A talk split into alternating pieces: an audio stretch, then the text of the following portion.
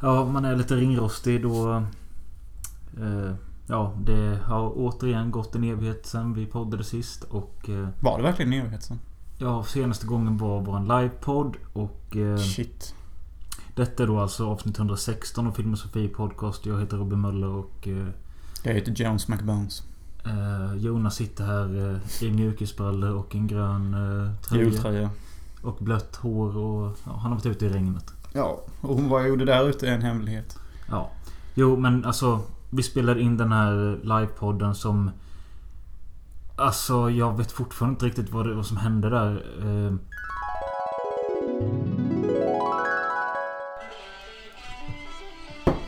Vem här känner att de inte vore som Gunvald? Jag tycker att denna podden på ett sätt är över. Men på ett Nej, sätt så är det efterfest. Det är efterfest! Jag vill att alla ni tar en tänkestund. Vad som betyder med det. Skit i mina filmer, skit i Mölles filmer, skit i alltihop. Nu köttar vi!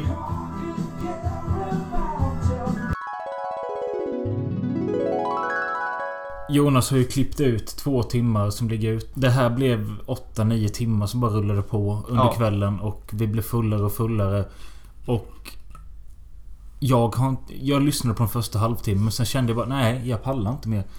Alltså inte för att det var farligt men jag bara kände bara Jag vet inte vad som kommer och jag vet inte liksom Jag kommer inte ihåg När jag inte kommer ihåg Det vi sa där den första halvtimmen så kände jag att nej Kommer inte ens ihåg första halvtimmen. Nej Och jag kände bara att eh, Luften gick ur där lite och jag tappade typ suget för att existera Jag kan kanske ta i lite men jag tappade suget för att podda Jag tappade suget på att dela avsnittet Jag ville inte liksom att det skulle finnas Och så när folk skriver bara när släpper du det?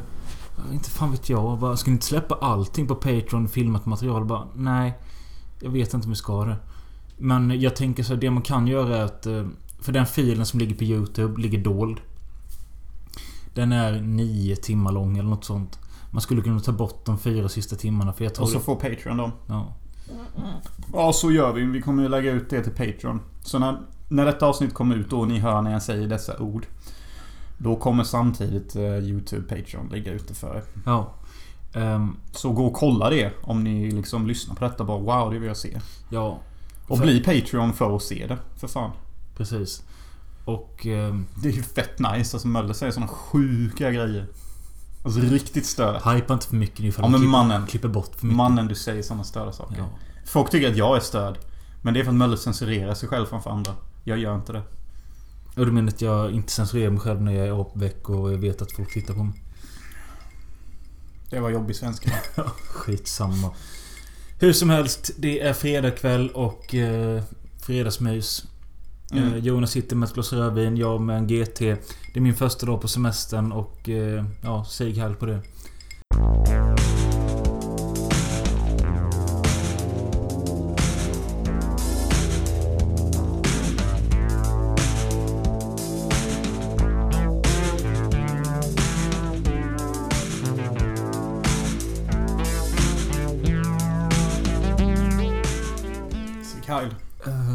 Men det känns så jävla gött att efter att ha varit i den jävla pappersgruvan nu i ett år och... eh, Ja, du har semme va?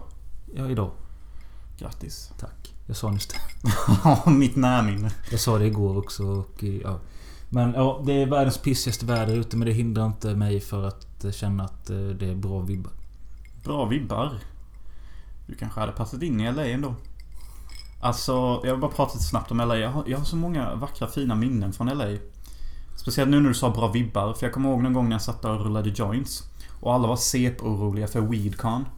Jaha. För att de skulle presentera sina nya joints. Blåbärssmak, orange, eh, apelsinsmak, you name it. Och alla var så fett oroliga för att de var tvungna att sälja för minst 30 000 kronor. Eller nej, 300 000 kronor. Mhm. Och alla bara typ tjatade på varandra och var oroliga. Så sitter det typ en söt svart flicka och rullar joints mitt i allt. Hon bara No guys, please stop it. Good vibes everyone. I'm spreading good vibes. och jag bara, vad fan. Märks att man är i LA? Allting låter alltid som att du berättar en sketch typ. Ja, vad fan. Alla i LA är en vandrande sketch typ. I'm spreading positive energy here. Let's roll. Fan. Nej men det jag skulle komma till att det Det jag är mest orolig, kommer jag direkt hoppa till något negativt eller Jaha. sad. Det är att typ bli så här 80 eller 60 plus och man typ får Alzheimers eller någonting. Och alla de här vackra minnen och allt man upplevt det bara blir, blir gröt och puré och man glömmer bort alltihop och det är som man inte ens har levt ett liv. Mm. Och så bara glömmer man bort allt fint typ. Ja, det är väldigt hemskt. Men jag tror inte... Den dagen du kommer att bli den grönsaken så kommer du inte ha ont av det tror jag. Nej men... Men det är jobbigt om du har ont av det. Ja, men ja, det är det. Först nu när jag har varit här i Sverige och typ bara har typ Ska det börja nu igen? ha- Hatet mot Sverige. bara har självmordstankar i Sverige. Ja. Då blir man lite så sad och tänker att Fan i LA har jag fan vackra beautiful memories. Här in Sweden bara My God. Put a gun to my face. Alltså du låter som en broken record. ja, jag vet. Alltså det gör ju typ ingenting om att vi inte släpper ett nytt avsnitt för det är typ samma avsnitt som förra gången. Ja, men alltså Fan, fuck my ass all over here. Ja, men det var det ju i LA med. Nej. Nej. Mot slutet. Ja, det var rätt hårt mot slutet. För att jag och min relation höll på att falla Jag isär. börjar inte med den nu med. Vad får jag säga då? Ja, prata. Jag och min relation höll ju på att falla isär och det var pengabekymmer som fan mot slutet. Men alltså... Överlag, även fast det var stenhårt och så, så var det ju ändå mycket bättre i LA tyckte jag. Det var ju bara på grund av ekonomiska bekymmer jag var tvungen att åka hem. Och att alla jobb stängde ner verkligen. Men vad skönt för dig att du vill eh, skjuta dig själv här för... eh, Eller skönt, inte, det är inte skönt. Men det är skönt för dig att vi om två månader ska åka en liten tur till Amsterdam. Det är underbart. Vi bokade innan. Det blir jag, Jonas, eh, Grönkuk och grannen. Mm. Eh, och vem vet vad som händer där. Men vi borde försöka göra en liten podd därifrån någon kväll. Ja, det var kul. Kanske kan röka en AK47 och podda. Jag vet inte vad en AK47 är. Världens starkaste sativ. Jaha, okej. Ja, jo, vi får väl se. Ehm, det... Ja, det är exakt två månader idag. Mm. Så det är någonting att se fram emot. Det är Gregory Peck. Det blir man taggad för. Och vem fan vet, jag kanske väljer att stanna kvar. För att hänger det någon skylt på någon coffee shop “We're looking for employees” Då går jag in och frågar ja, “I'm a professional roller since 2012” Eh, Någon som vill anställa mig på ren uh, halländska höll jag på att säga. Jag menar ren holländska. Eller "Schasnitsch, schnasnitsch, Johnston." Ja. Mm. You get the job. yeah. I'm professional roller. I'm spreading good vibes. I come from the backbone of LA.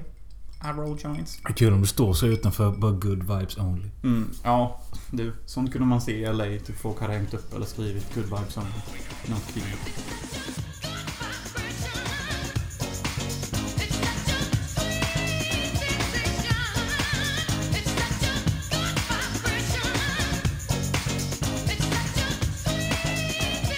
Eh, just det, ja. Innan jag glömmer det. Eh, så ska jag nämna en liten grej som har med vår podd att göra. Och... Eh, jag eh, fick för en vecka sedan ett sms av min kusin Jonte.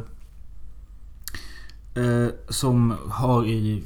Ja, i de senaste 20 åren. Kanske... Ja, senaste 20 åren varit i olika konstellationer av band. Och nu har han ett band ihop med sin bror, alltså min andra kusin Alex. Och de kallar sig för Bridgewood Punks. Eh, och jag tror Bridgewood är en ordlek med stället de är uppväxta på som heter Brohult. Ehm, så jag fick ett sms från Jonte då och han skrev Tjena! Satt och lyssnade på er podd för ett tag sedan. Gött snack. Jonas uttalade det gamla härliga uttrycket 'cut me som slack' i ett av avsnitten. Var det då när jag bråkade med min teaterlärare? Jag vet inte. Länge sedan jag hörde det och kände direkt att jag ville skriva en låt med den titeln. Låtjäveln ligger, bara kom till mig och nu kan ni höra den på Spotify. Den hade alltså inte kommit till världen om det inte varit för er podd. Tack. Eh, så jag vill bara säga det att han fick inspiration av ditt uttalande. Och eh, har nu släppt en låt som heter Cut Me Some Slack med Bridgewood Punks på Spotify. Och de har även en YouTube-kanal. De har gjort tre låtar hittills. De har gjort musikvideo till alla tre. Eh, Jag blev erbjuden att göra en men jag var för lat eller något så de har gjort allting själva. Fan vad kul. Eh, Så tre musikvideos på YouTube under Bridgewood Punks finns även på Spotify och vi kommer avsluta podden med Cut Me Some Slack. Det gör vi. Det är kul att mitt eh, bråk med en, en teaterlärare jag var sexuellt frustrerad med kan inspirera ett band ute i Sverige. Ja, men det, ja, ifall det nu är det. För det känns som att du slänger med sådana uttryck typ i varannat avsnitt. Ah man, cut me some fucking slack. Ja men det, det rör ju som en historia. Det, det var en assnygg fil, finländsk som bodde i LA. Lärare vi hade. Och jag hade skitit att göra en jävla övning jag skulle göra. Och så är hon på mig som fan. Och då typ slänger jag ur mig rätt kaxigt medan jag slänger upp min jävla yogamatta på teatergolvet bara I'm a fucking artist, cut me some slack. Och hon bara får fan stå eh, damp på mig. Stå fräst. Och alla, eh, alla elever i lektionen bara tittar på mig och bara Jonas, vad gör du? Jag bara Come at me bro. Jag var sån. Det är också ett till sånt uttrycksminne. Jag var sån. Come at me bro. Nu har du en ny låthit. Ja, där har ni en ny Bridgewood Punk.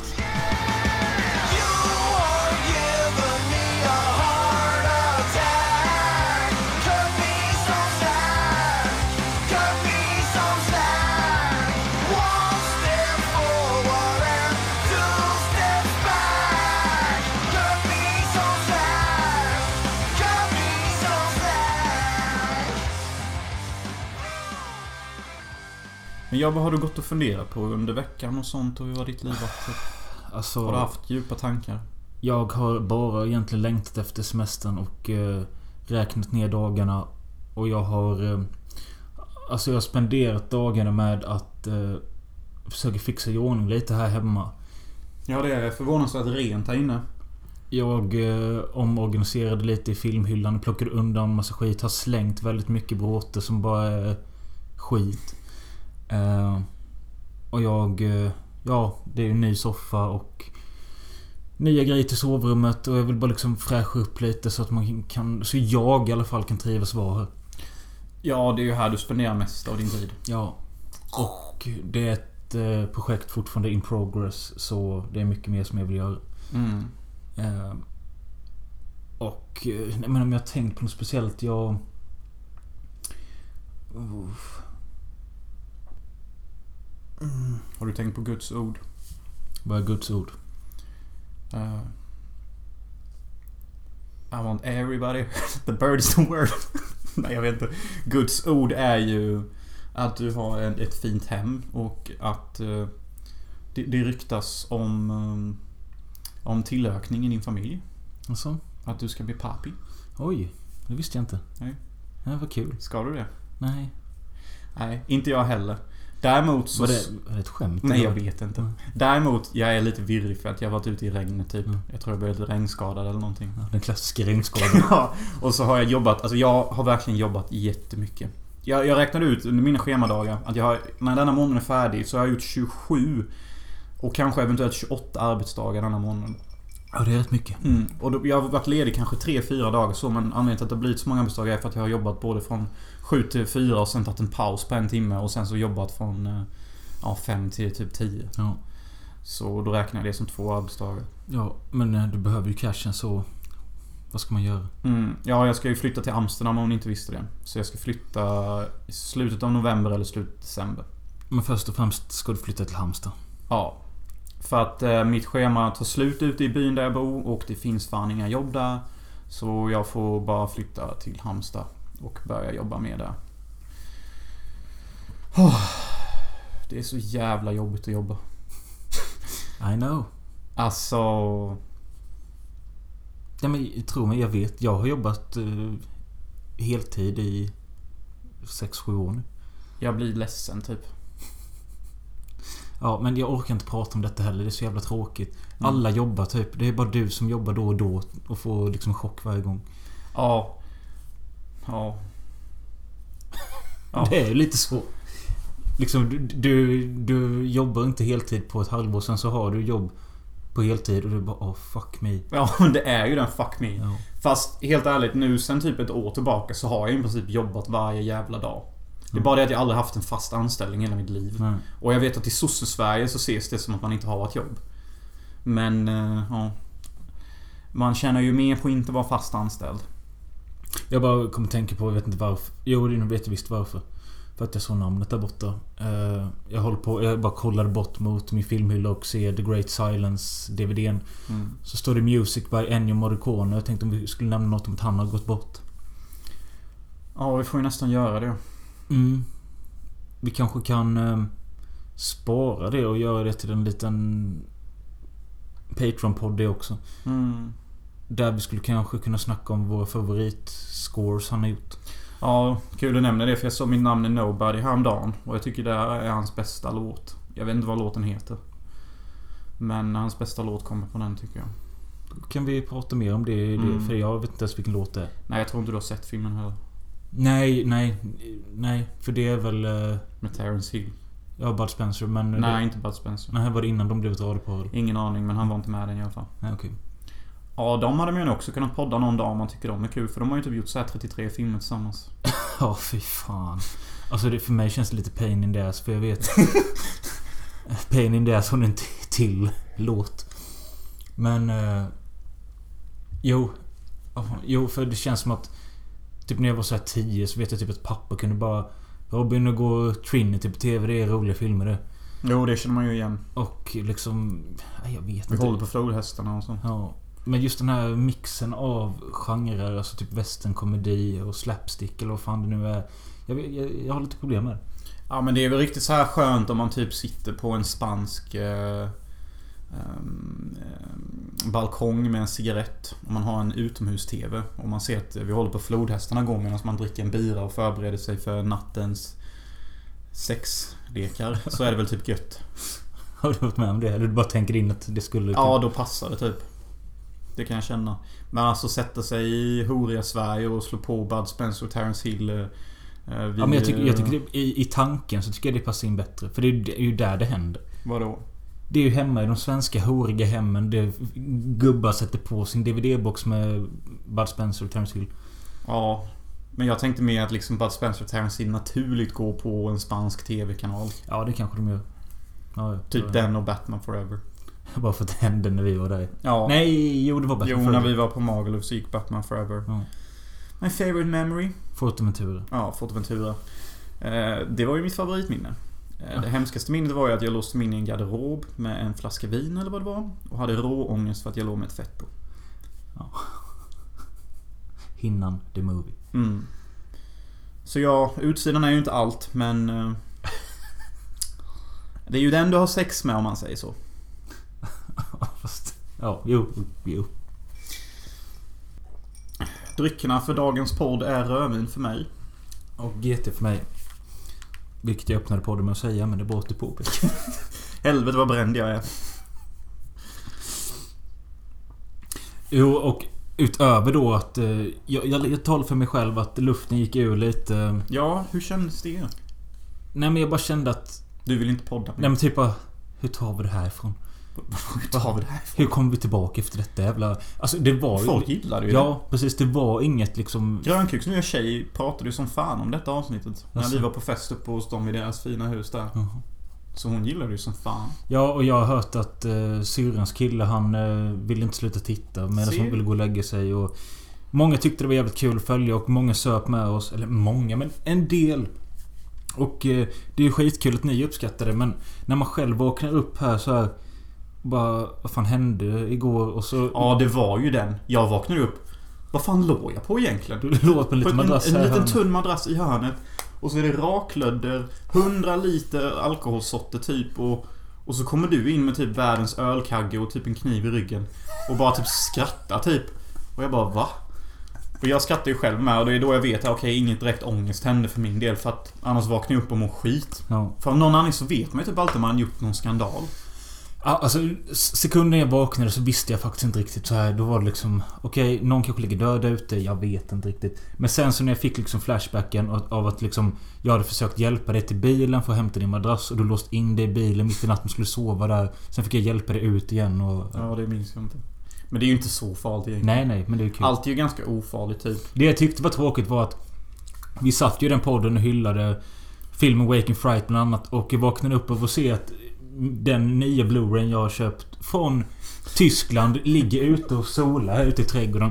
Då berättade Jonas att det är han som försökt rädda den genom att lägga ut det för att torka den för det var neddränkt med raklödder. För tydligen höll vi på att leka med raklödder i den här livesändningen. Jonas skulle raka sig. Eh, och Simon stylade mitt hår med raklödder. Så allting luktar... Alltså går man upp där nu och luktar på mannen på taket, Robocop och Waking Fright. Så stinker det fortfarande alltså. Doft menar du? Ja fast det, det är så äckligt. Jag vill typ inte känna av den doften mer. Och likadant... Eh, ja alltså det här insticket, alltså pappret till eh, filmerna var ju typ förstörda. Och... Ja, dessutom, du spydde ju i raklödret och det var liksom en blandad doft av det. Det minns jag inte ens. Nej, men det finns ju på film. Ja. Nej, alltså jag tror inte sprit riktigt är min grej. Nej. Jag har ju gjort de största grejerna man kan göra på sprit. Mm. Det har ju aldrig blivit bra tycker jag. Jag är ju anti-sprit dessa dagar. Eh, Det enda positiva jag är mot sprit, det är ju handsprit då. Eh, Men annars nej, sprit är ju inte en fin saga. Nej, alltså jag känner det. Jag drack två öl innan. Alltså det var ju bara på GT nummer två. Och sen bara blackout, blackout, blackout. Ja. Nej, men det, jag har druckit en halv GT nu. Jag känner bara redan... Fan vad konstigt jag känner mig i huvudet typ. Kallas fylla. Ja, men det ska inte komma så snabbt. Jo, jo. Ta hela. Mm.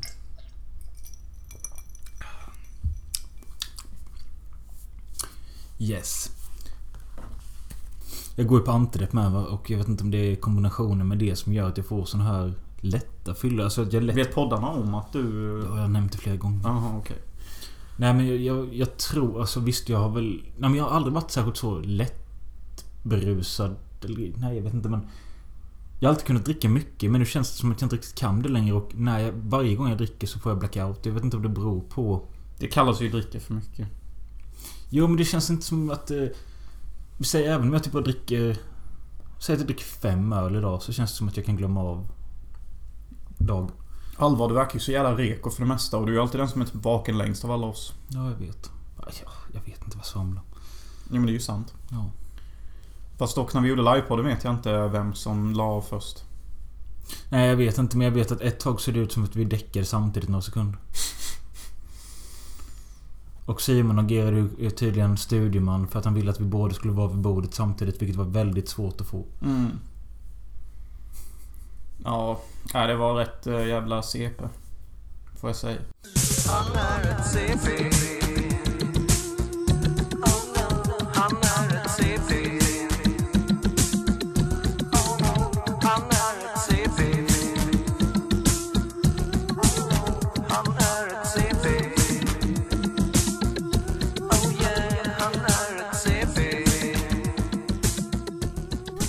En eh, man som eh, jag inte vet vad han har för stjärntecken men jag vet att han är född den 25 september. Eh, något jävla år. Han heter Mikael Persbrandt. Mm. Och det är på grund av honom vi har samlats här idag. Och säger farväl. Nej, jag skojar bara. Fan vad tråkigt. Men... Eh, han lever alive and kicking. Tror han mår rätt bra nu till skillnad från vad han gjort innan. Jag vet inte egentligen men det känns så. Dock känner jag ju så här spontant att hans roll i Hobbit-trilogin inte var så jävla bra. Vill jag bara Han slinka spelar någon björn där eller? Ja. Hans engelska är rätt jävla taskig. Alltså. Men är det meningen att han ska vara en amerikansk Ja, men han går fram till någon hobbit bara I don't like hobbits. And I don't like orcs. But I hate orcs more. Då jag bara va? Va? Ja, ja, men... Persbrandt är ju ingen eh, man man egentligen behöver pres- presentera särskilt eh, mycket för alla som är svenskar vet typ vem han är. Jag tror han presenterar sig själv ganska bra. Ja, precis. Och här kommer han faktiskt. Ja, Oh, oh, Okej. Tack Persbrandt. varsågod var Persbrandt. Det- det- det- det Jävla liket låg inrullad. Och, och jä- jävla Sara. Hon låg i mattan. Men vad fan är det? Ja men inte fan vet jag. Min jävla syster Lillemor håller på att få stryk av ett jävla moderatsvin. Sådär. Ja. Eh, men... Eh, ja, eh, A for effort. Jaha. C for trying. F for fucking failing. Men vi ska i alla fall snacka om tre Persbrandt-rullar som... Eh, jag tror inte någon har poddat om dem tidigare. Alltså vi har valt ut tre ganska... Inte obskyra men tre... Ja men tre av hans mindre... Mindre kända typ. Mindre pratade om i alla fall. Ja nu när vi ens sitter här och säger detta, mitt hjärna är så luft att jag vet knappt vilka filmer vi har valt ens att prata. Nej men vi kan säga så här. Vi kan börja med... Vi kan gå i kronologisk ordning från när de gjordes. Ja. Eh, vi har gjort en podd med regissören Daniel Fredell som finns att lyssna på. Gör gärna det. Ja, gör gärna det. Och Daniel Fredell har ju då gjort Sökarna. Söken var hans första film. Sen gjorde han 30 november. Och 97 eh, gjorde han Under ytan. Mm. Och detta var typ den första filmen han fick lite större namn till sin film. Han fick då Persbrandt som var... Alltså, han var inte riktigt Persbrandt, Persbrandt. Men han var up and coming och folk visste... För att han har ju precis gjort första tre veckor eller någonting kanske. För de kom väl inte. 96? Ja, eller om de kom 97. Ja, jag vet inte fan. Skitsamma. Men han har med Persbrandt. Och eh, jag trodde faktiskt att eh, huvudrollstjejen i den filmen är Johanna Sällström. Är det inte det då? Jo, men jag menar, jag trodde att hon var känd innan men tydligen var det tack... Denna filmen var hennes break. Och eh, hon fick eh, även en Guldbagge för den här rollen. Mhm. Och... Eh, Jo men det kan jag köpa. hur som helst, filmen kretsar kring en tjej som heter Sandra. Hon är 23 år. Hon hänger med en snubbe som heter Roffe. Eller Stoffe. Roffe tror jag. Och det är, han spelas då av Persbrandt och är en heroinpundare och en allmänt jävla... Ett svin. Han är ju legendarisk. Eh, och har... Jag tror alltså de har ju satt på Persbrandt några linser då och då för att han har helt kolsvarta ögon. Nej, jag tror ju han tog koks innan tagningarna och körde detta method acting style. Kanske. Method acting är ju då för er som inte vet Jag antar att det inte är så många som vet method acting Då, då skådespelar du inte Utan Du är den rollen som givs till dig Så är du en heroinpundare Ja då röker du fan en heroincigarett innan du går in och spelar scenen liksom Alltså det är så enkelt det är Och brukar oftast sila heroin. Ja Och det är det enda true fucking Det är så man skådespelar tycker jag Och många hävdar att det är dåligt också. Men det är väl klart fan det är dåligt det är Nej bara men jag kolla- menar så att folk menar att då, då skådespelar du inte.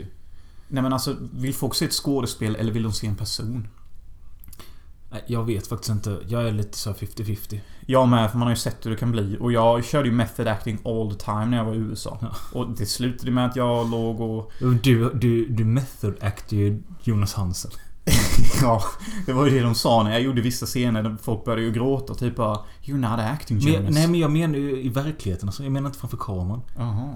Ibland är du en roll ju. Ja, ja. Men som jag... är en spacad version av den du egentligen är. Nu är det ju väldigt komplicerat här. Men ja, lite så är det. Typ när jag skådespelar så är jag mig själv. Men i, verk... i verkligheten så är jag någon annan typ. Chris Cross. Ja. Flip-flop. Den här 23-åriga tjej, 23-åriga tjej, Den här 23-åriga tjejen Sandra och Roffe hänger ihop för att de har väl ingen annan och Sandra prostituerar sig och de har, gör såna här lekar med Tosca typ att när eh, han ska börja knulla så kommer Persbrandt fram och de rånar honom. Mm, mm. Eh, Men så går det till en viss dag när Johannas karaktär Sandra då hon beslutar sig för att hon ska lägga in sig på ett hem och bli kvitt det här beroendet så hon slipper det här skitlivet. Eh, Under tiden hon går in på ett behandlingshem så eh, roffar Roffe åt sig Sandras lilla syster Jannica ner i knarkträsket också och gör henne till en ny Sandra. Det är ju CP-hårt när han har sex med henne. Och hon, hon typ är på väg att gå ut. Men Persbrandt bara går upp som med världens hårigaste bröst och bara tar tag i henne som någon klassisk filmskådespelare från 50-talet och bara tvångkysser henne. Och sen bara knullar henne. Och man bara ser åderbäcket från hans röv gå upp och ner och in i henne. Jag bara, jag bara sitter där och tänker bara Persbrandt är fucking true actor. Ja. Alltså, han kan vara hedlig, aggressionsproblem, Gunvar Larsson. Men han har fan inga problem att vara omorallös, fucking knullare av 17-åringar typ. Nej. Han, han njuter ju av det. Ja. Han bara, nu ska jag gå fram och tvångskyssa henne. Det här hade jag aldrig fått göra i verkligheten och inte kommit undan med det. Nej, Jag vet inte fan vad jag ska säga om hans roll. Alltså det... Han är så jävla skön. Jag älskar... Det finns ju inget, inget sympatiskt drag i den här rollen. Nej. Men hans första scen när han... När de ska fira födelsedagen då, han kommer dit och bara Haha! Haha! Ja. Och typ skrattar så bara Ja men för oh. att Jonas tar det lite lugnt för men jag tror inte man greppar hans för att du hänger med. Nej. Men den här Sandra har en... Hon har en Svensson-familj med det mått mätt att hon har en alkoholiserad mamma och en ganska normal syster. Och eh, en släkt eller något som skit. Och dit kommer Persbrandt oinbjuden. Ja. Och nu kan du... Och då, då, då, då dricker han typ rödvin. Och då dricker han lite vitt vin också. Så, så, så håller han på och stojar och håller på och typ bara här var det åka av och så Men han gör ju något rätt sjukt sen han typ Han typ ger ju någon en puss där också.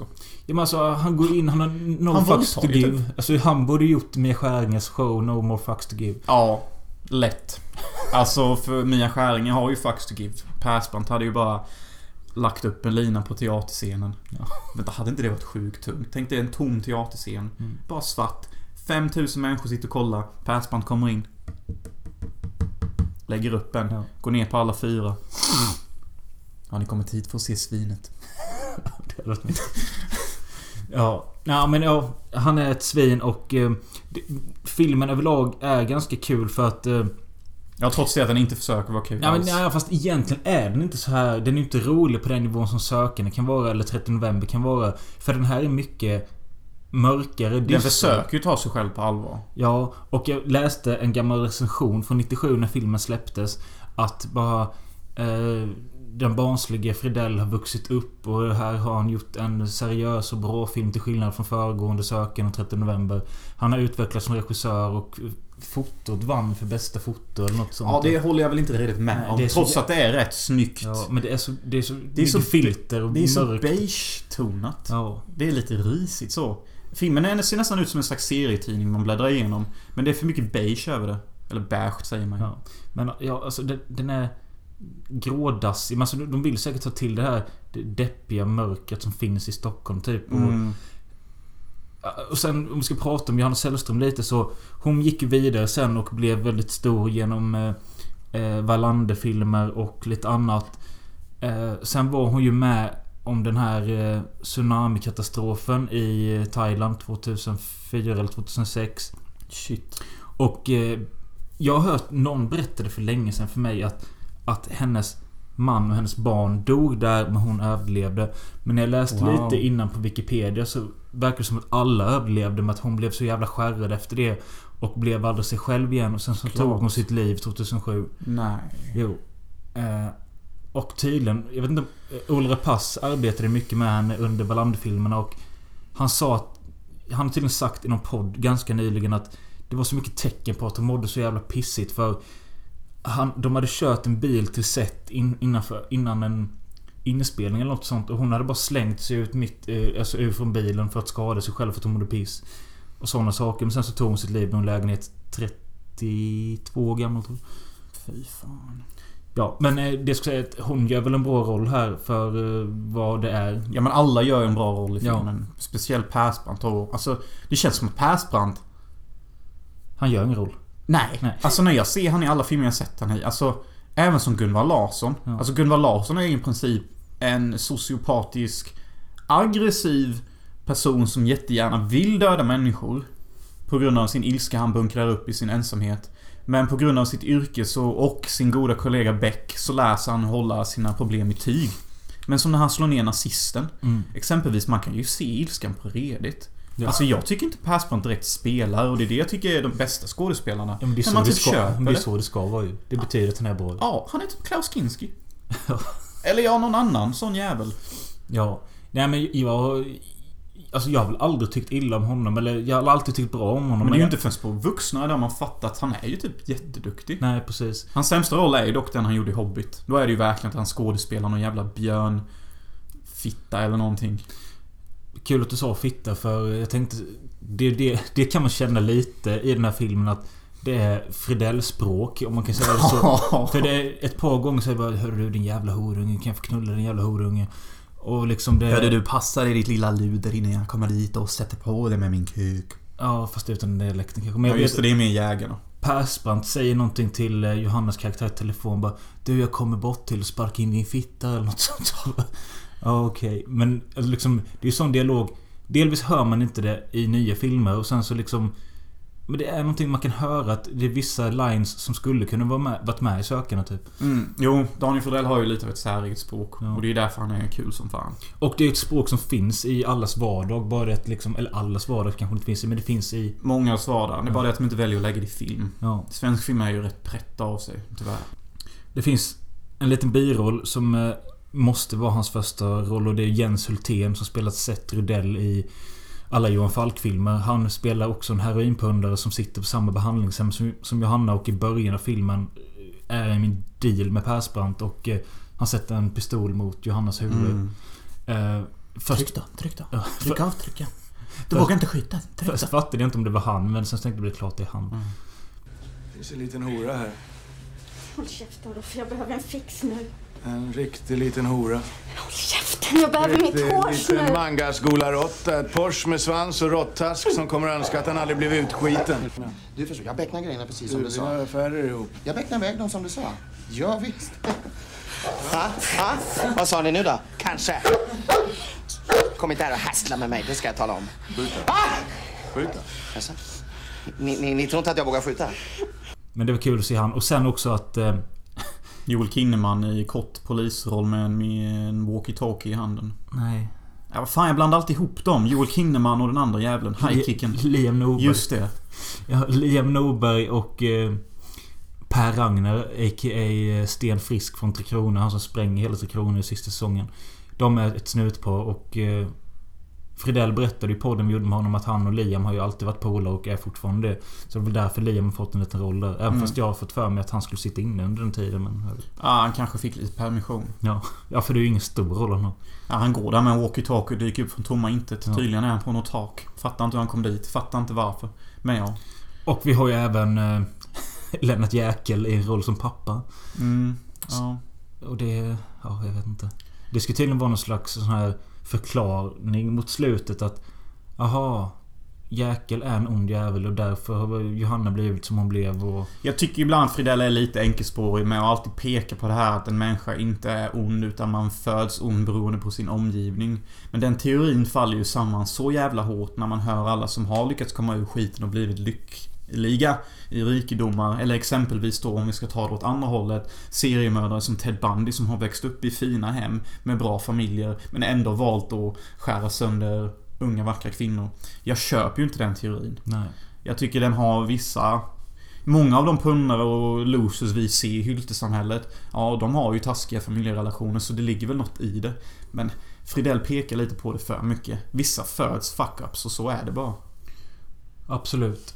Eh, jag skulle säga så här. Som slutliga orden om under ytan är ju att... eh, Den är kul. Den, nej, jag skulle säga så här att den är inte tillräckligt kul för den har inte det här rewatch-valuet. som- Nej, det har den fan inte. Detta var andra gången jag såg den. Förra och jag gången- kände att det räckte typ. Första gången räckte alltså. Andra gången var lite jobbigt. jag, jag tror jag såg den första gången när jag kanske gick i nian eller något sånt. Ja. Och det var ganska länge sedan Jag nu. såg den bara en gång eh, när jag såg den då till Fridell-podden. Vad såg du den då? Ja, det var första gången jag såg den. Ja, okej. Nej, för... Ja, den är väl ganska bra men det är bara det att den, för mig är den inte tillräckligt kul. Den är liksom för seriös och för Ja, allvarlig. ta lite för sig själv på stort allvar. Eh, Det roligaste i hela filmen, om man nu kan kalla det roligt, är ju när Persbrandt tar en vinkväll med den här unga Ja. tjejen och han halsar vinet. Innan han stå henne typ nästan Fan vad han halsar Det är så gött jävla ljud. Han Alltså det är bara gör det med den nu. Denna Ja.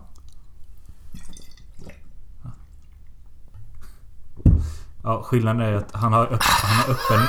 Han har öppen mun och öppna svalget och det är svårt att göra det. Men det är synd att vi inte fick med det för Jonas halsade faktiskt rödvin. Jag hoppar uh. Det är ju Jag lovar att det är äkta vin i den flaskan Kanske. Per Persbrandt är en sån sjuk jävel Jag lovar att han är sån Ja, nu ska jag vara en riktigt äcklig punnare som nästan ska våldta en brud. Jag ska lätt gå in för detta för det här tänder jag fan på. Han säger ju inte det till någon. Han säger först bara skulle du ha lite vin och bara nej. Sen så bara... Här har du din rekvisita Persbrandt. Ja. Nej, jag har min egna. Nej men först och sen bara, ska du inte ha lite vin och nej. Nej jag ska ha lite i alla fall. Så, sen så, så tar en liten paus sen så kommer det en till. Nej, min idol typ. Nästan min idol. I- Innan vi hoppar över till nästa film. Jag, jag såg ju, jag måste bara nämna det för jag tyckte det var så kul. Jag såg ju Jägarna häromdagen. Ja, igår, igår kväll. Och den är ju sjukt bra. Det är alltså, den är Sveriges bästa film. riktigt bra. Alltså när jag såg den var som feeling. Jag bara, detta är varför jag vill bli filmregissör. Typ denna filmen triggar mig på alla sätt. Men det jag kom på, jag såg en scen där då efter han har skjutit Zorro, sin hund. Ja. Och Rolf Lassgård kommer in och han har typ 100 brev. Alltså bara, jag har lagt upp lite profil. Jag gillar att gå i skogen och är rik och älskar långa skogspromenader. får man ganska söta töser. Och, och jag bara sitter och ser det. Bara, varför, gör han detta? Så bara, kolla här, rätt fin pingla. Bara, Han slänger bara helvete. Ja. Och jag bara tänkte, ja. Där har vi en sån här riktig attention whore. Mm. Så jag sitter där så bara, vill du bara ha bekräftelse? Jäkel, alltså du är en sån riktig fucking sitter och... Tvåbarnsmamma, Åkersberga. Ja, inte för mig. Nej men ingen är för dig. Du Nej. bara bekräftar dig Ja, själv, din precis. lilla ho. Men han är ju ett psycho. Ja. Nah, inte psycho för då skulle han inte ha så mycket ångest över allt han gjort. Nej. Men han är ju råsociopat, Ja. typ. Nej, alltså det... Ja, jag, vi, vi har gjort en hel podd om Jägarna med där vi pratar om den... Vi borde göra Jägarna Redux och typ bara gå igenom allt igen. Ja, visst men frågan är... Pratade du om tvåan där? Men jag tror fan vi gjorde det. Jag vill inte prata om det. Nej, jag säger inte att du ska göra det. Men eh, jag såg ju även Jägarna TV-serien som kom förra året. Va? De gjorde... Hold your fucking horses. Var det fyra avsnitt eller sex avsnitt? Men dra mig bakom en kärra. Eh, den var ganska bra. Alltså Lasko är tillbaka och så, men det är väl typ det enda som är tillbaka. Det är väl någon släkting till Jäkels barn, eller Jäkels barn är väl med och sånt. Men... Och den är väl fortfarande uppe i Norrland, men det är inte alls samma känsla eller någonting. Men den, den gick att se. Okej, ja det där var helt sjuka news för mig. Jaha. Ja, du var inte här då tror jag. Nej, jag borta i LA och rullade joints. Got high. Nej, men det går att se om man är lite sugen, men ja. Jägarna är så jävla typ. Hon spottar mig i ansiktet. Den jävla Filip... Ja, vi, ska vi åka ner och kolla på Filippinan? Vad fan är det här? Ja, Filippinludret. Men alltså, jag vet ju Kjell Sundvall fick ju skit för att han målade upp norrlänningar som... Ja, Ja, men vad fan. men alltså... men alltså det, det är ju en Norrlandsploitation alltså, det, Ja, ja, lätt. Och det är så många vackra bilder också. Ja. Alltså, det är inte bara det att jag gillar alla skådisar och handlingen. och- Det är väldigt så här, Det är nästan en slags Star Wars-handling. Du vet den här bron och familj. Det är en soapopera typ. Ja. Jätte så här tematiskt typ. Bara det hur den börjar med den vackra musiken och de bara knäpper... Renar. Ja. Jävla renjävel. Ja men vad fan, jag måste, jag måste betala av bilen, 40 000! Ja men släpp tillbaka bilen. Ja, men du har ju din jävla paraboljävel! Man bara, vad fan, vad fan, vad språkar de om? Han som pratar om att eh, betala av lånet på bilen. Jag tror han... Jo, jo han heter fan Göran Forsmark, skådis. Nu fan jag nu kunde dra ut det i röven men... Han, han, han står ju alltid och skriker så skvätter det så Ja. mycket, Det kommer saliv i hela käften. Ja, typ när, när, när en svensk försöker vinna Oscar. Ja. Skrik så att du råkar spotta. Ja. Vad fan, vi har ju dödat henne!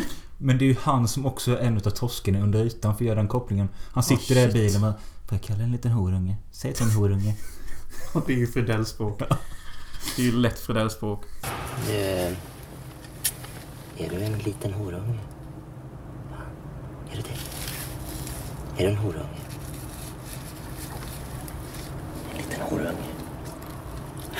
Visst, vad du vill. Du vet vad, vad jag vill att du ska göra va? Tillbaka med en X-Side Presents Passion Fruit Juicy with a pinch of sour. Mm. Bögdrink. Nej, det var för att jag såg Jägarna. Hur är det att komma tillbaka? Från Fjollträsket. Fjollträsk? Ja, Stockholm! Ja, den var god faktiskt men... Um, konst, lite... Lite halvskum eftersmak. Två år senare, då har Persbrandt eh, kommit in i rollen som Gunvald, gjort kanske åtta filmer. Och... Eh, oj. En utav manusförfattarna, eller regissörerna till de här eh, Beck-filmerna, eh, Rolf Börjlind, han har skrivit jävligt många Beck-filmer. Han får för sig att res, res, regissera sin första långfilm. Och den ska heta Dödlig Drift. Och... Eh, Sveriges skevaste jävla film. Vill jag fan i mig tillägga.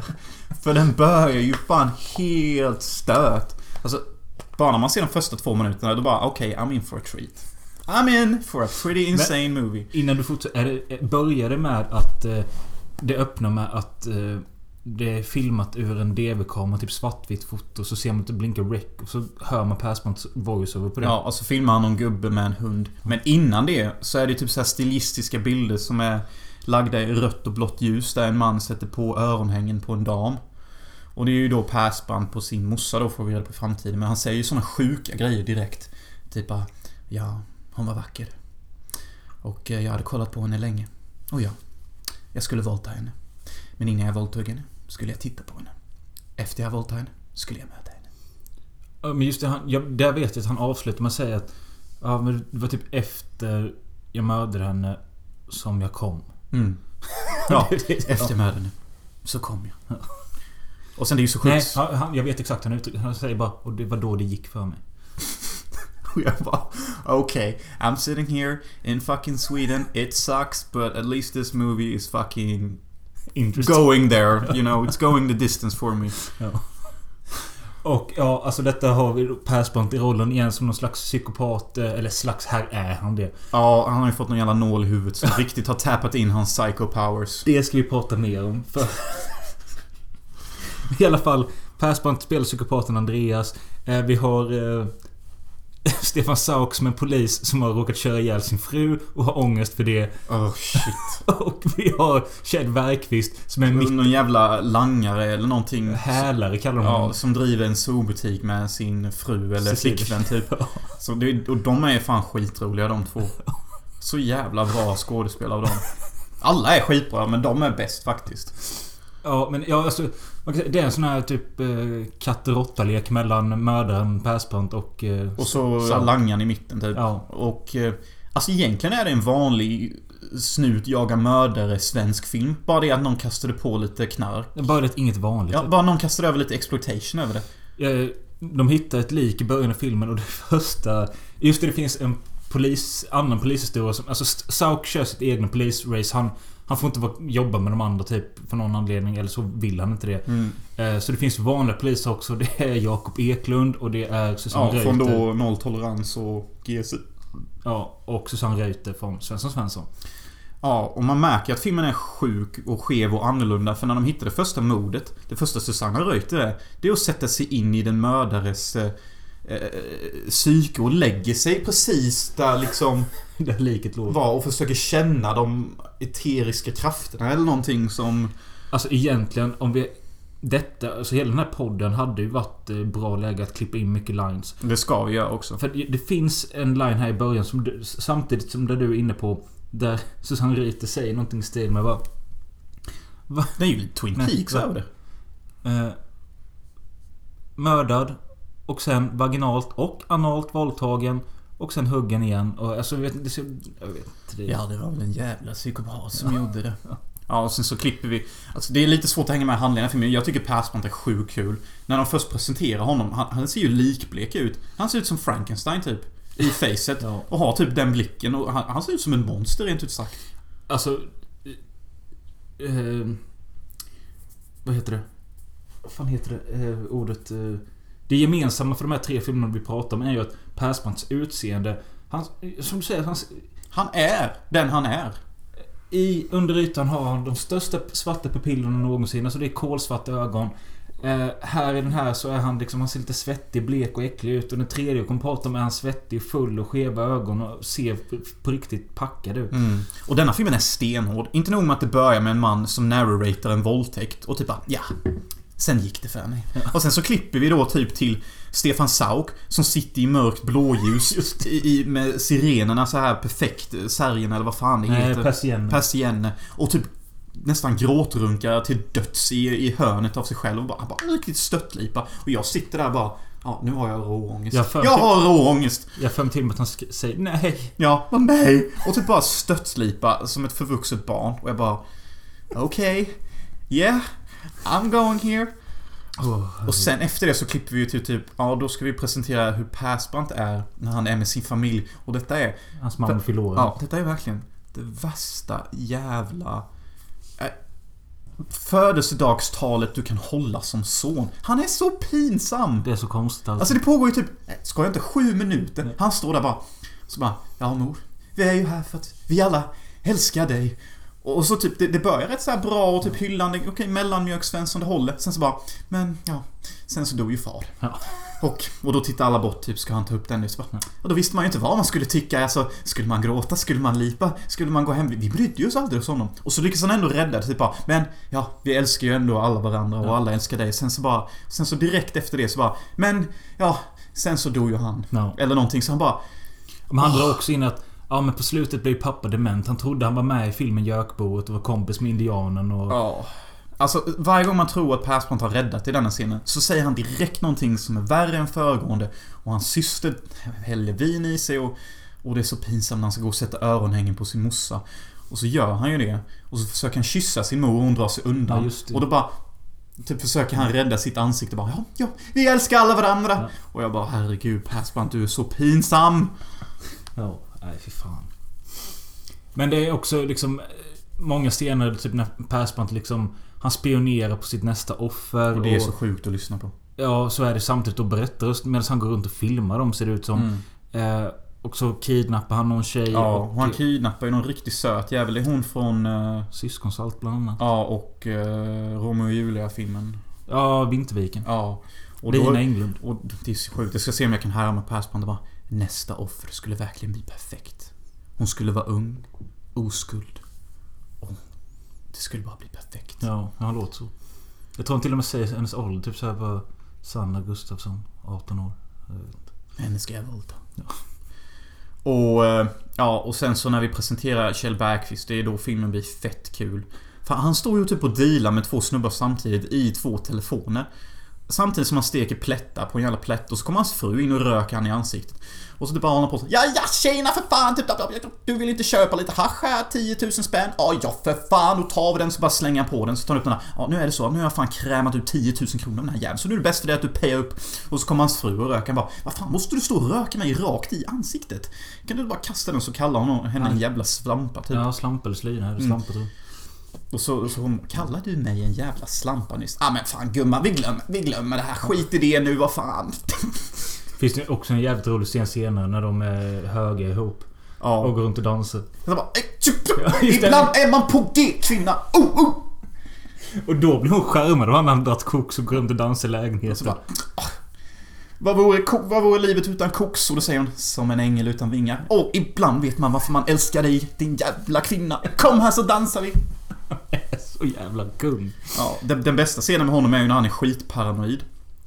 Och typ han, han sticker över till Mikael Persbrandt eller någonting, jag kommer inte ihåg varför. Och så står det typ två kostymnissar där och de lämnar precis eh, lägenheten och så pekar Kjell Bergqvist på de här kostymnissarna och bara Ja men fan är det?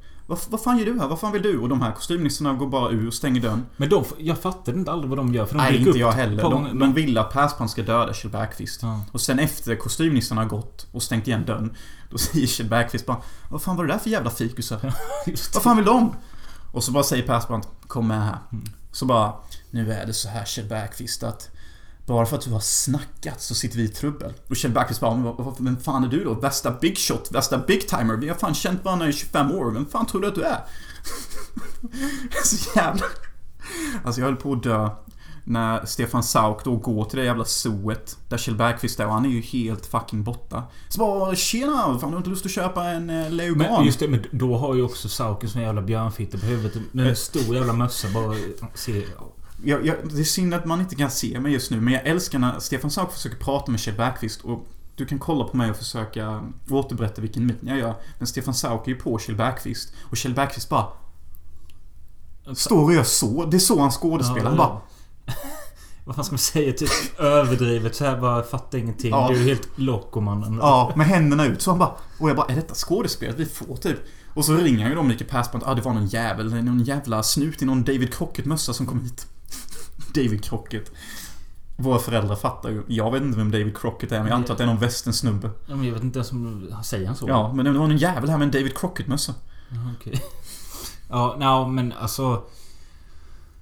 Ja, vad ska man säga? Alltså, jag hänger inte riktigt med i handlingen så, men det är skitbra skådespel. Och ja, alla är bra. Alla är riktigt tajta. Kommentaren jag skrev om filmen på Letterboxd eller vad fan det jag skrev var ju att eh, både Bergqvist, Sauk och eh, Persbrandt är sina SN typ. Och det blir ju riktigt intensivt när Sauk kommer närmre eh, Mikael Persbrandt. Och de två börjar vara i luven på varandra sista halvtimmen. Mm. Och, då, och, och Mikael Persbrandt går runt och skriker varför han har ont i huvudet och... Ja, det är också så jävla sjukt. Det måste, måste vi prata om. Alltså, jag kommer ihåg den här filmen från typ när den gick på fyran. Den gick på fyran ett par gånger så här kanske 02.30 när jag var 14 år något Det sånt. är ju prime time. Och där vet jag att jag någon gång såg halva, sen någon annan gång såg jag andra halvan. Mm. Och så vet jag alltid att beskrivningen var så här i tidningen eller om det var om man tryckte info på TV så stod det bara eh, Andreas är en man med en nål i en hjärna som gjort han psykiskt sjuk eller något sånt. Mm. Men det tycker jag inte de pratar om så mycket i filmen. Alltså, han har, har han en nål i hjärnan? Inte jag, ingen aning. Eller är det bara något man säger? Eller är det... Men det är, det är sjukt bra när han går runt där och försöker förklara sig för Stefan Sauk. Att det gör så jävla ont och det är bara skriker i mitt huvud och jag vill bara få tyst på det! Och det enda som kan döda ett annat skrik eller mitt skrik är ett annat skrik. Och det sjuka var när jag såg detta så kunde jag relatera som fan till Mikael Persbrandt. För just under den här perioden så hade jag sjukt fucking ont i min näsa. Och det gjorde så ont och ont och det, det var en annorlunda typ av smärta. Det var... Och jag bara, jag förstod vad han sa så jag, jag på något sätt kunde jag relatera till den sjukaste personen i filmen. Men alltså... Jag tyckte det var fint att de kunde liksom ge någon slags sån... Eh, sjuk förklaring typ på något sätt. Alltså den här är ju... Den här är ju mer underhållande och mer lätt omtittad än vad Under ytan är. Ja, Dödlig Drift har ju så många lines. Ja, och mer... Men alltså, den är lite ljusare, lite roligare gjord. Allting är lite mer... Den är ju gjord med en slags filmisk kärlek, typ till någonting. Ja. Alltså den har ju... Skå... Alltså, det Jag så- finns en puls i den. Eller Jag vad man ska en, säga. läste en gammal recension om den också. Någon som har skrivit typ att... Eh, ta alla klyschor och schabloner och råda upp dem så har du denna filmen bara. Men jag vet inte om Jag håller fan inte Nej. med om det. Denna filmen är ju inte det. Nej, jag... Denna filmen... Nej, men denna filmen var riktigt underhållande. Alltså, men jag säger så här. Du och jag och grannen, vi ska göra en remake av uh, Dödlig Drift. Vem hade spelat vem? Man vill ju nästan återanvända alla skådespelare igen. Nej men jag menar du och jag och grannen ska göra en av de tre rollerna. Grannen får ju Kjell Bergqvist. Och vem hans tjej än är får väl bara vara med. Du får Stefan Sauk och jag får Mikael Persbrandt. Persbrandt? Nej men det är väl typ den. Ja, jo. Det köper jag. Mm. Typ rätt mycket. Och... Ja, men Stefan Sauks roll är skitbra. Alltså, man, det är ju det enda man kan säga om filmen. Det är ju ingen scen de är dåliga i. Nej, alltså nu när vi pratar om det så kan jag inte komma på något dåligt att säga. Nej, och jag tycker det är så jävla kul när typ Mikael Persbrandt har placerat ett lik och Stefan Sauk hittar det. Ja, det är så jävla skumt. Ja. Alltså Persbrandt går typ och lägger ett lik mitt i centrala Stockholm eller Så att uh, Sauk ska hitta det. För Ja. att han tycker det är så fascinerande att just honom att den snuten med David Krockenmössa har lyckats luska sig fram till Kjell Bergqvist som då är polare med Persbrandt. Så Persbrandt gör ju det till ett spel. Han, jag tror han filmar honom medan han hittar liket med. Bara, när han hittade henne och såg henne. Ja, det var väldigt upphetsande. Man bara, vem fan skriver såna här manus? Det är ju svensk film. Det är ju så jävla sjukt. Alltså, ibland när jag ser såna här svenska filmer, då tänker jag bara, varför, varför tar inte fler efter? Alltså detta är ju roligt. Jag kom på en till grej nu. Jag sa att vi skulle spela rollerna men De har ett segment i podden Tveksamt eh, Där de eh, alltid pratar om svenska filmer så kör de eh, De castar en Hollywood remake Så vi tar en minut och så tänker vi på vilka Vi ska, vi ska casta Persbrandt eh, Sauk Bergqvist och Cecilia Kyle Alltså hans... Eh, Kjell Bergqvists eh, flickvän. Ja, de Okej. fyra ska vi kasta och eh, Du får tänka i en minut ska jag tänka också Okej. Okej, jag har mina. Jag har mina med. Alltså... Ge lite cred till eh, Tveksamt-podden för att... Eh, eller jag vet inte varför ska jag göra det fast de, För när de gör de här Hollywood-remaken så tar de också... De har förberett... De har kunnat förbereda sig i en vecka typ. Och jag tycker ofta när jag lyssnar på när de castar om så brukar jag tänka bara... Nej, de skulle tagit han istället. Eller han. Han hade varit perfekt. Medans eh, deras val ibland är ganska bra. Men... Nu har vi tagit två minuter till att komma på detta så... Vi kan ta varannan. Börjar du med din Bergqvist?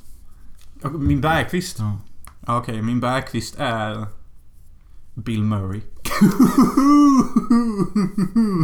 Lite oväntat. Ja, alltså det var lite svårt med för jag började tänka så bara i vilken ska, ska man tänka? Kjell Bergqvist är ju 100% sin egna grej, så det är jättesvårt att hitta någon som kan vara... Jo, men jag tyckte det var svårt att tänka snack... Alltså... Mina skådespelare är lite blandning i åldrar liksom. Man får typ... Jag tänker typ... Menar du Bill Murray nu? Han är typ 75 år. Ja, men jag tänker väl när han kanske var ung Ja, då. precis. Eh, ja, men det... Ja, det hade nog funkat. Ja. Mm. Jag hade, som Bergqvist hade jag... Eh, eh, detta är ju egentligen bara ba- baserat på en grej och det är ju... Alltså jag har valt Erik Stoltz. det är det hade varit bättre fan. Som Pulp Fiction, snubben typ. Ja, mycket bättre. För det känns lite som att det är samma karaktär. Ja, mycket bättre. Mycket bättre. Okej, kör din eh, bruden till honom då. Vad heter hon Kirsten Twig? Kirsten Wig. Ja, just det. Okej, kul att du kan det nästan. Ja, det hade också varit kul. Eh, Jag har ju tagit något mer. eh, Jag tänkte så här bara att Sissela Kyle är lite så halvrisig i medelåldern. Då tänker jag... Valde jag Juliette Lewis. Ja! Fan, dina är mycket bättre ju. Du värsta nail it. Det var ju fan bättre ja. Tack. Så jävla kass jag är. Sluta så hård. Okej, men du måste ha en bättre Sauk än mig. Ja, men den är ju skitkliché. Okej. Ethan Hawke. Ja, men, Eller Christopher Lambert. Det stod mellan de två. ja, men jag tycker båda de är bättre än mig. För jag, jag kunde inte komma på någon där. Så bara såg jag rakt fram där valde Sam Rockwell. Okej, ja, ja då var mina bättre. Okej, Persbrandt då. Det är ju skitkliché men jag tänkte Christian Bale direkt. Jaha, okej. Ja, det är ganska bra faktiskt. Jag skrev... Först skrev jag Christopher Walken. Och så skrev jag bara att han är... Jag vet inte. Ah, han är mer en skådespelare. Sen så bara fick jag mig, nej, Brad Dourif. Ja. Ja, jo, bra. Väldigt bra. nu har vi gjort det. Eh, lite kul. Eh, något mer att säga om Dödlig Drift? Eller ska vi Nej. hugga in på den sista? Ja, bara, bara se Dödlig driften är jättekul. Finns att hyra på More för 29 spänn. Det är Mm. värt de pengarna. Ja, definitivt. Skippa köpa en dosa snus se den. Ja. Eh, Okej, vår sista film, om vi nu kan kalla det film, är en filmad TV-pjäs eh, som började rulla 2004 i manus av Peter Birro som gjort jättemånga bra grejer. Typ Upp till kamp. Han har gjort till... Ja, det var vad jag kom på nu, men han har gjort mycket svensk skit. Och regisserad av Stig Larsson som har gjort mycket bra han med. Han eh, gjorde den... Den sådär Kaninmannen, vet du där- om han som är pedo typ. Mm. Eh, och ja, han är en pjäsförfattare och ett svin.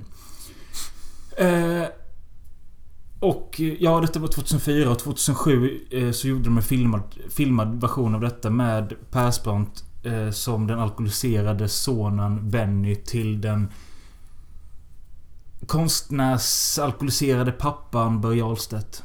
Som, eller det spelas av Börje Ahlstedt och det är bara de här två som det utspelar sig i pappan Börjes eh, konstateljé slash lägenhet. Ja. Och filmen öppnar med att pappan ska hänga sig. Mm. Och så kommer Persbrandt och knackar på. Som ett oväntat besök för att gratta honom på 70-årsdagen. Pappan fyllde dock 71 och det är två veckor för sent. Mm.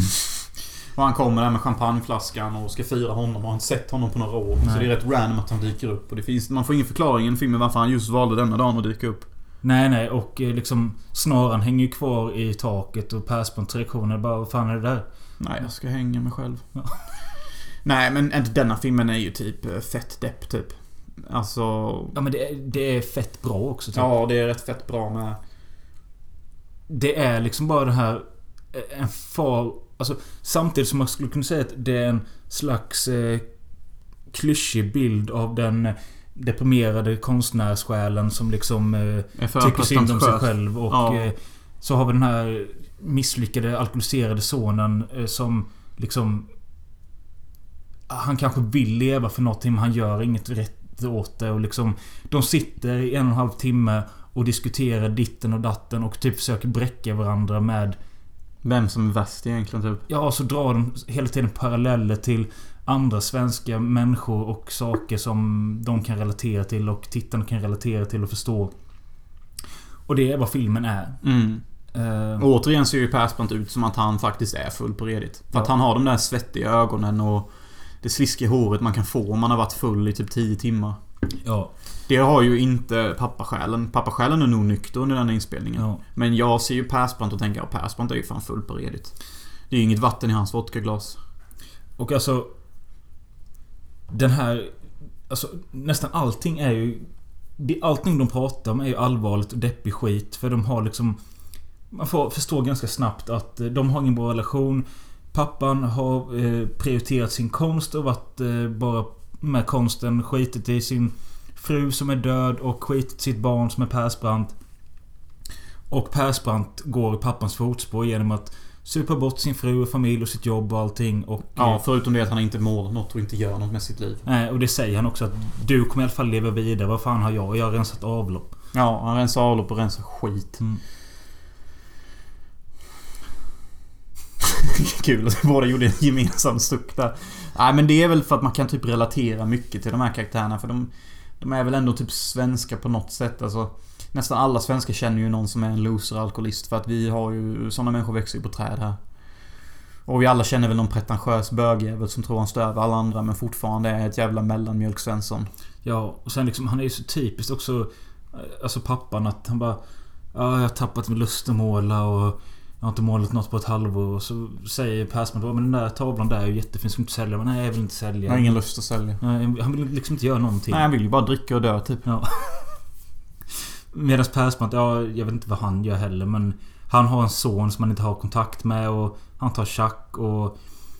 Det finns en scen i filmen när Persbrandt säger att... Eh, du och jag pappa har ju aldrig gjort någonting ihop så snälla ta schack med mig. Mm, det hade betytt väldigt mycket Va, för nej mig. just det, det roliga är först när Persbrandt tar fram sin påse ur fickan så säger pappan Vad fan är det där kokain? Eller koks eller vad han säger.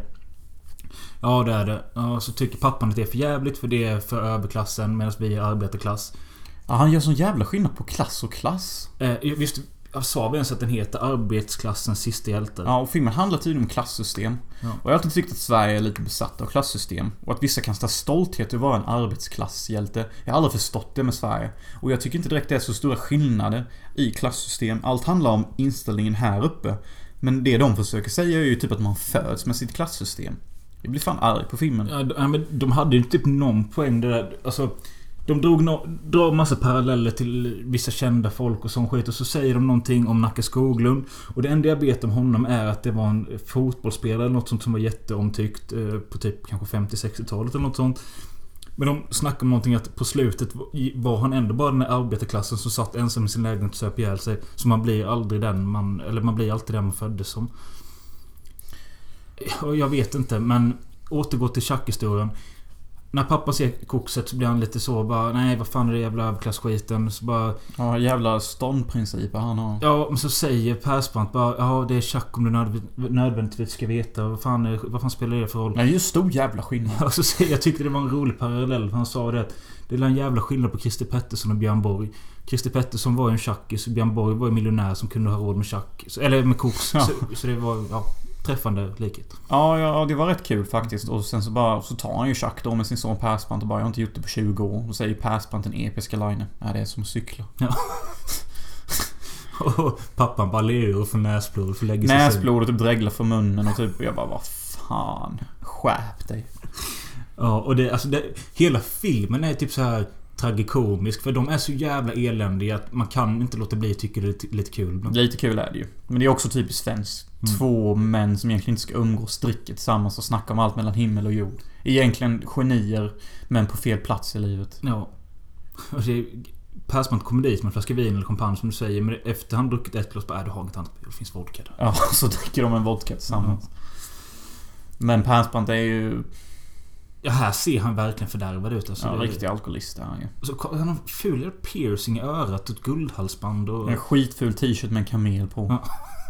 Ja, bokstavligt talat en kamel på t-shirten. Och liksom... Ja, man, ja, jag kan säga det med att är man rädd när man hör ordet filmad TV-pjäs så... Det är liksom inte teaterskådespel. Detta, detta är liksom försök till att göra... Det är väldigt naturligt skådespel. Det är inte så här överdramatiskt eller någonting. Utan det är två människor som möts och dricker typ. Och det är... Jag, alltså det är väldigt bra dialog. Det är... Även, alltså det är inte ens viktigt att man hänger med. Hela tiden. Nej, och det är, ibland så pratar de i mun på varandra och hugger så man inte ens hör vad de säger. Ja. Vilket säkert är medvetet för att göra det realistiskt. Ja men det är ju realistiskt. Tänk dig själv. Man har haft vissa hårda filmer med vissa människor. Mm. Alltså ibland så bara känns det ju som man skriker ljud till den andra. Ja. Ja men det är som typ sitta och kolla på två fulla som liksom, okej... Du får en inblick i en fyllas liv i 90 minuter. Eller en timme kanske det till och med. Jag har nog aldrig hört så här smarta diskussioner på fyllan från... Ja, och kanske. i andra länder hörde jag såna här dialoger fast på engelska då. Vi är ju inte riktigt så djupa som den här pjäsen försöker få oss till att framstå som. Nej. Men kanske i Stockholms konstnärliga elit kanske folk sitter och pratar så här. Inte här i Hylte i alla fall. Det är så kul med när Persbrandt i början av filmen snackar om bara... Har du sett den filmen? Filmen? Så bara... Om det går i fule. Ja. Och att han aldrig hört talas om den. Men han har... Vet du vad han heter? Nej. Sean Peckinpah. Nej men det är det jag inte köper. Det pappan har inte hört talas om den onde, gode och fule. Men han kan namedroppa vem som eventuellt gjorde den och säger Sam Peckinpah. Han säger ju Sean Peckinpah till och med. Okej. Sean Peckinpah. Jag bara facepalm. Ja, nej men de drar en parallell där till att... Eh, eh, ja men att... Eh, han arbetar med att eh, skjuta av eh, snaran. Mm. På den fule då. Ja. Och sen senare... It's my noose around the neck. Whitey. Nej, Blondie. It's my noose around the neck, Blondie. I'm the one putting myself up there. You're the one that does the shooting. I'm the one that does the hanging. Okej, lite ond, god, ful eh, Ja. impersonation där. länge sedan jag såg den alltså. Den är skitbra. Det är en superunik film. En film jag ångrar att jag inte tog med i fem bästa titlar, för den borde faktiskt vara med på listan. Mm. Det finns ju ingen som inte har hört den titeln. Det är ju typ nästan världens bästa titel. Förutom Börje Ahlstedt i den här filmen. Va? Börje Ahlstedt i den här filmen visste inte vadå. Börje Ahlstedt i den filmen vi såg Arbetarklassens sista hjälte visste inte... Ja, ah, just det. Men ja, det är ju rätt skitskrivet. Ja. Det är väl för fan att en medelålders man på 50 plus vet vad ond, god, ful är. Mm. Det var ju för fan världens bästa film sen den kom, typ. Eller ja, Men- världens bästa westernfilm. sidan har han kanske supit bort just det. Ja, det är ju sant det med. Men vad fan ska man säga om den egentligen? Alltså... Jo, det jag vill säga var att... Jag vet att du och jag såg denna... Vi, vi pratade om detta innan vi började kolla att eh, du sa att du, jag har nog fan inte sett den sen högstadiet sa du. Mm. När den gick på TV då. Ja, och, men vet du vad jag tror? Jag tror att... Eh, antingen så var det så att du och jag såg den för oss själva. Eller så var det så att vi såg den hemma hos mig i mitt jävla pojkrum. För jag vet att det är den här som var startskottet för Röd Familj typ. Det kan nog ha stämt. Eh, Röd familj är ju rätt Ja, för jag för mig att vi såg detta och så såg vi någonting till. Det var ju sam, samma veva vi såg Bottom för första gången. Så var det här enkla men liksom... Ja, så blandade vi Bottom med arbetsklassens sista hjälte. Ja, det är ju röd familj då. typ. ja men liksom det är två... två losermän. Det är dialogdrivet och det är liksom... Fighter. Ja. Ja, det är ju röd familj. Alltså nu vill jag bara göra röd familj real production. 150 miljoner kronor typ. Nej, inte så mycket, men en miljon kronor räcker. Ja, alltså Röd Familj är en, en, en film som inte finns men det finns väldigt många scener till Det filmen. finns väl typ 30 minuters filmmaterial. Varav 20, 27 minut, minuter hänger ihop i kronologisk ordning. Medan de andra 7 minuterna som finns Ska vara senare. ska vara senare eller tidigare eller någon annan. Till scener som inte finns. Ja. Och det här började när vi var typ 14-15. Vi gick i åttan och vi slutade filma detta när vi gick i slutet av nian typ. Så vi höll på med ett år med olika scener. Ja. Så rätt kul. Och sen vet jag att det gick några år till och då hade du skrivit Någonting med Röd Familj när vi skulle ut på husvagnssemester. Ja, jag ville ju skriva long motion picture röd familj-versionen och den skulle utspela sig helt på en campingsemester där du och jag skulle vara då och riktigt vara vidare mot varandra. Typ förgifta varandras kött, pissa på varandra när vi sov. Alltså egentligen var det bara liksom en liksom komprimerad version av alla dramatiska händelser på en campingmiljö. Typ Sunes semester gone bad. Alltså Röd Familj är verkligen också ett steg för Patreon commentary grej. Mm. Nej men jo, jag bara fick den flashbacken nu när vi kollade. Att jag tror eventuellt att vi kan ha sett detta lite ihop på TV då. Och, så, Kan nog stämma. och eh, sen blev vi sugna på att göra den här grejen. då. Kan nog stämma fan jävligt väl.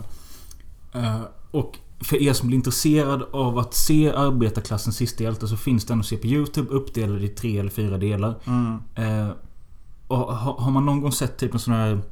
En Lars Norén-pjäs så är det ganska likt det. Eh, det är liksom eländigt och det är bra. Och... Ja, mycket bra dialog men sen är det inte mycket mer. Nej, men alltså... What you see what you get. Men det betyder inte att det är dåligt någonstans. Nej. Och egentligen, de sitter väl bara på två olika ställen i... Ja, de går väl runt lite i hans ateljé och Ja. sånt. Men alltså det är ju inte så mycket mer än det. Vilken av de här tre filmerna skulle du säga är bäst och vilken, vilken är Persbrandts bästa roll? Ja, det är ju Dödlig Drift. Det är ju både den bästa filmen och hans bästa roll. För att det kräver ju mest av hans skådespel. För i Dödlig Drift så är han ju egentligen en riktig, riktig råsociopat som blir psykopat. Och verkligen får spela både på alla känslor som finns. Sorg, tårar, glädje, renodlad 100% psykopati. Blandad med något annat skit. Och filmen i helhet är mycket rolig och mycket djup och mycket intressant. Jag skulle nog säga att Dödlig Drift är den mest underhållande och mest lättittade. Men jag skulle nog säga att eh, bästa performance är i den här arbetarklassen. Och sen... Eh, alltså under ytan är ju... Där är han ju bra också men filmen i sig... Hela, hela under ytan är väldigt så här ytlig. Trots att den handlar om under ytan. Om det makes sense. Det är liksom en story man har sett. Bara det att det blir lite skevare när det är på svenska. Ja. Ja. Nej, ja. Donald Fidel Sverige. Ja. Ja. Men det, alltså, ja, jag tyckte det var ändå kul att se lite Persbrandt. Eh, och liksom... När man tänker efter, han har fan gjort mycket bra grejer. Jag, jag har inte sett en enda dålig... Jag har väl sett dåliga filmer med honom, men jag har ju aldrig sett att han är dålig. Det finns en dansk-svensk film som jag... Det finns en dansk-svensk film som jag vet jag och grannen såg för typ 15 år sedan. Som han hade på DVD och den heter Gryningsland. Där är det Persbrandt, Kim Bodnia, a.k.a. huvudrollen i Första Pusher. Oh. De två och eh, kanske Maria Bonnevie. Åh, ska vi inte se den nu? Ta en fet. De tre... Jag tror Kim Bodnia och eh, den här kvinnan bor i en stuga vid havet eller något sånt. Och eh, Persbrandt är en gammal polare till Kim Bodnias karaktär. Kommer dit och det blir väldigt dålig stämning. Så utspelar det som lite kammarspel där i det här huset. Den hade jag velat se. Ja, jag blir lite sugen på den med. Men... om allting går som det ska så kommer vi snart med både ett Patreon-exklusivt avsnitt och sen efter det så blir det slashers. Ja, för att varje sommar sen två år eller tre år tillbaka, jag minns inte. Det är som första året vi har gjort. Vi har gjort... Vi har alltid haft slasher-tema. Ja, detta, ja, vi har gjort det tre år i rad. Detta blir fjärde. Insert eh, Sean Connery från Highlander. It's tradition. None of us will violate that rule. Slasher-tema en gång minst under sommaren. Rock on. Rock on. Så ja, vi har ju ett gäng eh, grymma slasherfilmer och jag kommer ihåg förra året då vi skulle skriva vår egna slasherfilm. Det var fett fucking kul. Eller ja, två år sedan kanske det var. Men... Det, det, Men, men jag kommer ihåg det var någon gång vi så hade slasher-tema och jag var helt knäckt efteråt för att det Ja. var bara skit. ja. Men denna gången har du tagit fram en grym lista på typ åtta filmer och de ser nästan alla lovande ut. Så jag har fan fräscha förhoppningar. Yes. Eh, till next time, take care och lyssna nu på lite Cut Me Some Slack. Mm. Cut me some slack and you're to blame. You give love a bad name.